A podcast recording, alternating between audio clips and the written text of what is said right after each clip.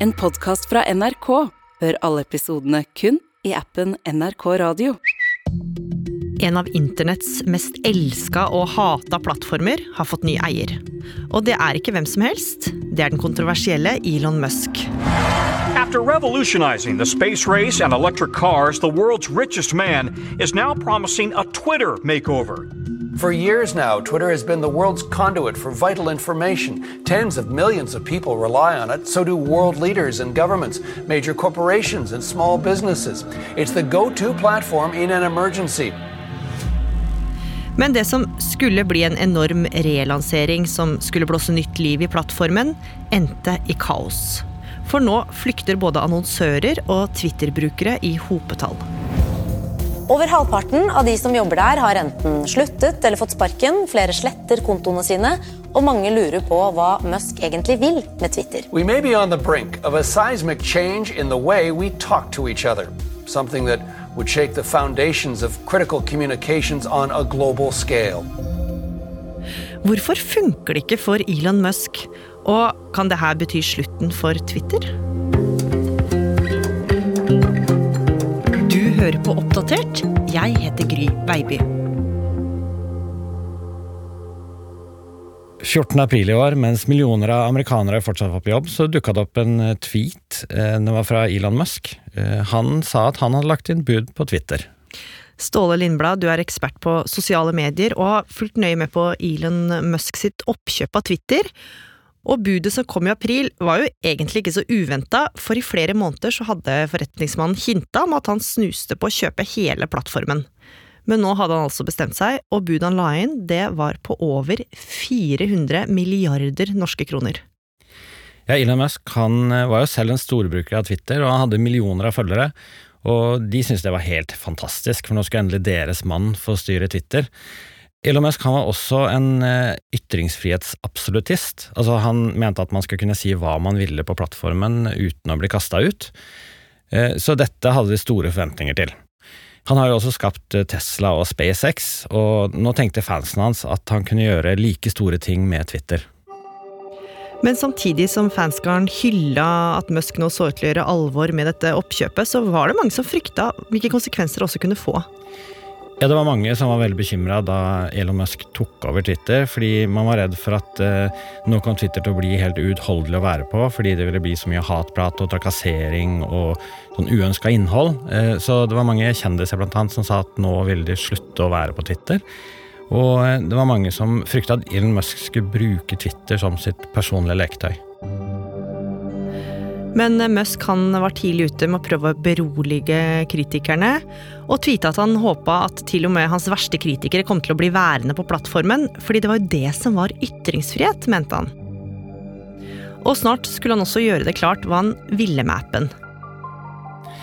Musk har jo sagt at Twitter er en del av en plan han egentlig har hatt ganske lenge. Han vil gjøre Twitter til the everything app. Altså en app hvor du kunne gjøre alt, spesielt innenfor det med betaling og alt med finansielle transaksjoner. Og dette var en plan han hadde hatt helt siden han drev x.com, det som senere ble PayPal, som han også hadde en visjon om at skulle bli denne the everything app. Men nå var det altså Twitter sin tur. Og den 26. oktober 2022 kom beskjeden mange hadde venta på. I en tweet på Elon Musk sin konto så ble det lagt ut en video hvor Musk kom gående inn i resepsjonen i Twitter bærende på en vask. Eh, Og kommentaren på den videoen det var 'let that sink in'. Og Det var et lite spark til kritikerne hans, som mente at eh, han ikke kom til å klare å gjennomføre det her.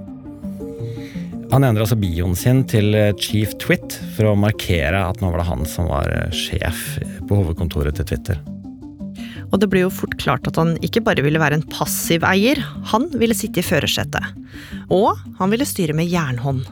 It's been less than 24 hours since Elon Musk proclaimed himself Chief Twit and declared the bird is freed. And already his vision for an uncaged Twitter is coming into rapid focus. Musk has floated several changes to the site, including charging a small fee, reducing the number of fake and spam accounts from the site, changing the content algorithm to enhance free speech, loosening its moderation rules, and adding an edit button for all users. He fired a number of top executives just after buying the company for $44 billion and taking it private.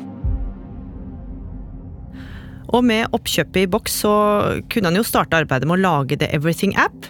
Men før han i det hele tatt fikk starta, så måtte han jo ta tak i et stort problem. For det ble jo fort klart for Musk at alt var jo ikke tipp topp i stand med denne plattformen, Ståle. Nei, Twitter var et selskap som hadde en del problemer. De eh, tapte mye penger. De har bare gått med overskudd to av de 16 årene de har eksistert. Eh, de hadde altfor få brukere. De hadde en vekst i brukerne, men, men veksten var altfor liten. Og ifølge Elon Musk da han overtok, så tapte de 4 millioner dollar hver eneste dag. Og de var helt avhengig av annonseinntekter, så de levde egentlig på annonsørenes nåde. Og det var altså det her Musk nå måtte fikse, og det fort, for millionene rant hver dag ut av Twitters bankkonto. Men her hadde han allerede en løsning klar, Ståle.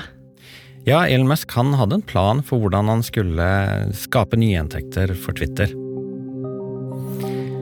Han mente at hvis han kunne få brukerne til å betale for dette blå verifiseringsmerket, som en del prominente brukere allerede hadde, så ville han både kunne verifisere at de var ekte mennesker og ikke roboter, og han ville få en ny inntektsstrøm som gjorde han mindre avhengig av annonseinntekter.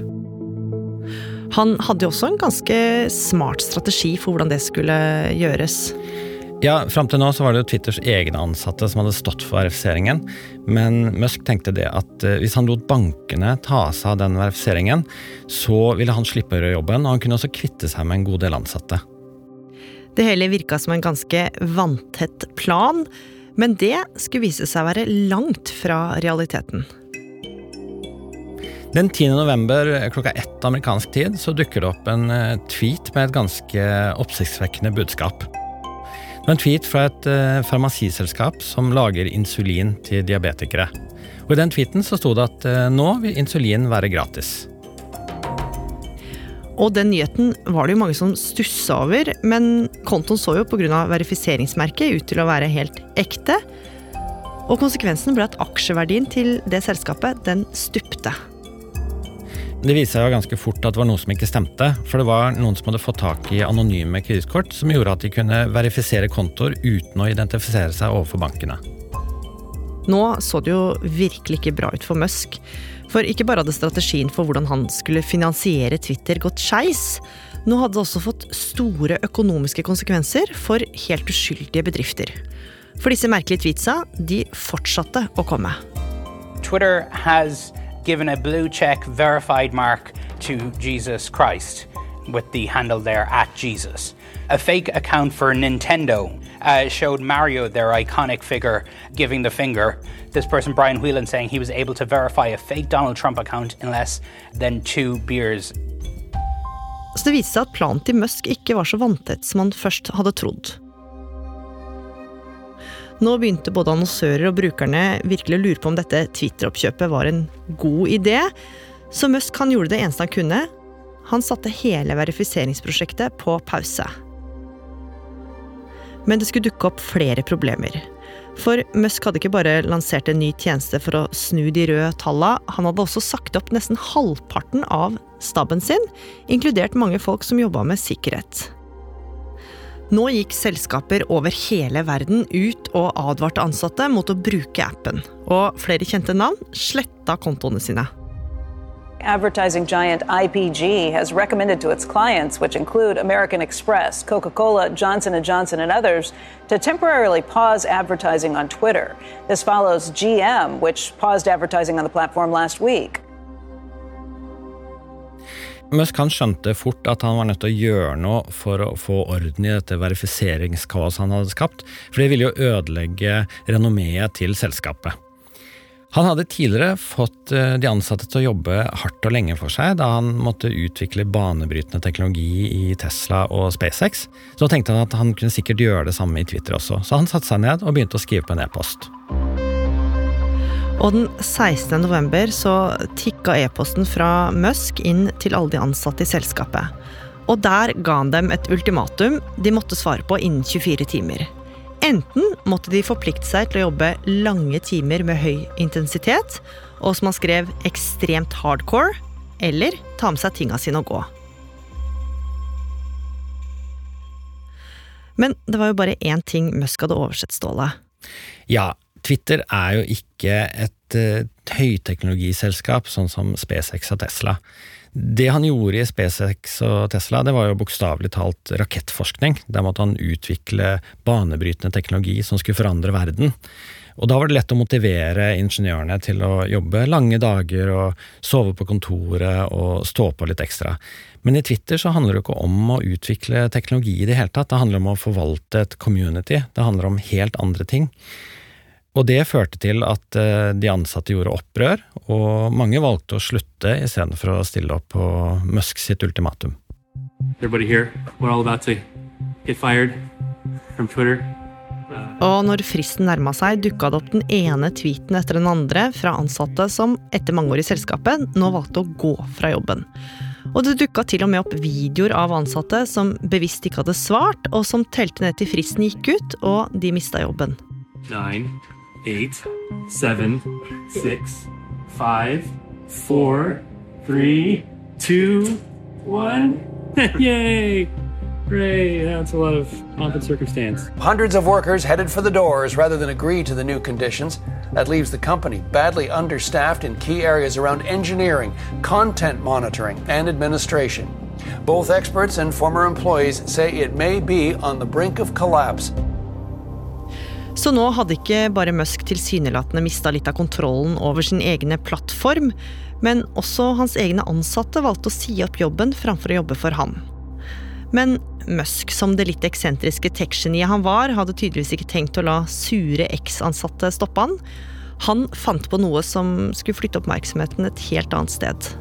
Den nye Twitter-eieren Elon Musk lar brukerne bestemme om Trump skal få komme tilbake på nettsamfunnet. Etter angrepet på Kongressen i USA 6.1 i fjor, så ble jo Donald Trump utestengt fordi at en del av tweetene hans hadde bidratt til å eh, hisse opp eh, angriperne. Og helt siden Elon Musk eh, sa han skulle kjøpe Twitter i april, så har det vært en voldsom forventning blant Trump-fansen om at Elon Musk skulle slippe Donald Trump tilbake på Twitter.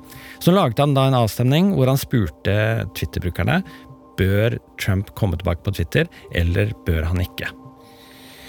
Det var 15 millioner som eh, stemte, og det ble et knapt flertall for å slippe Trump tilbake på plattformen igjen.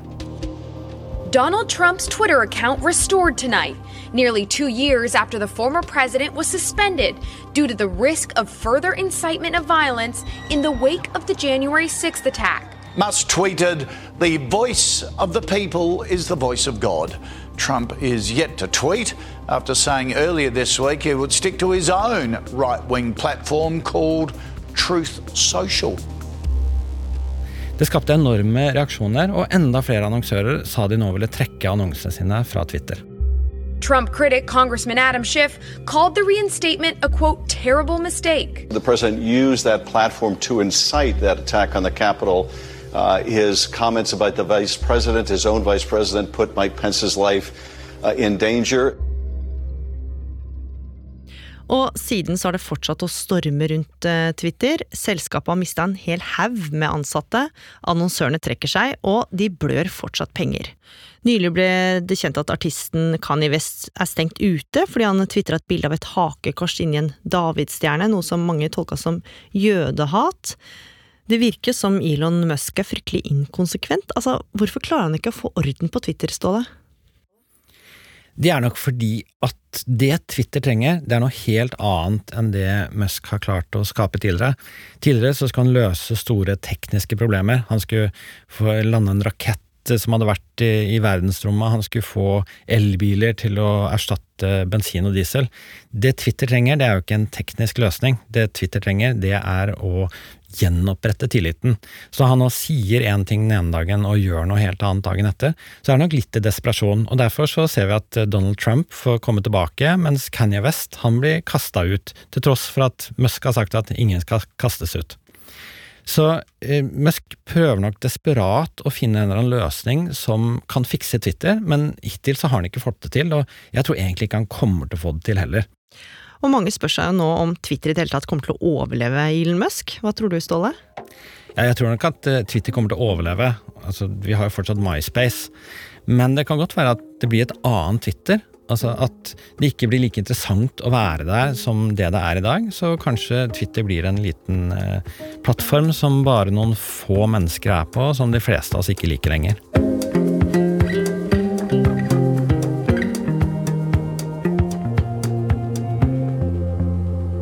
Oppdatert er en podkast fra NRK Nyheter, og denne episoden den ble laga av oss.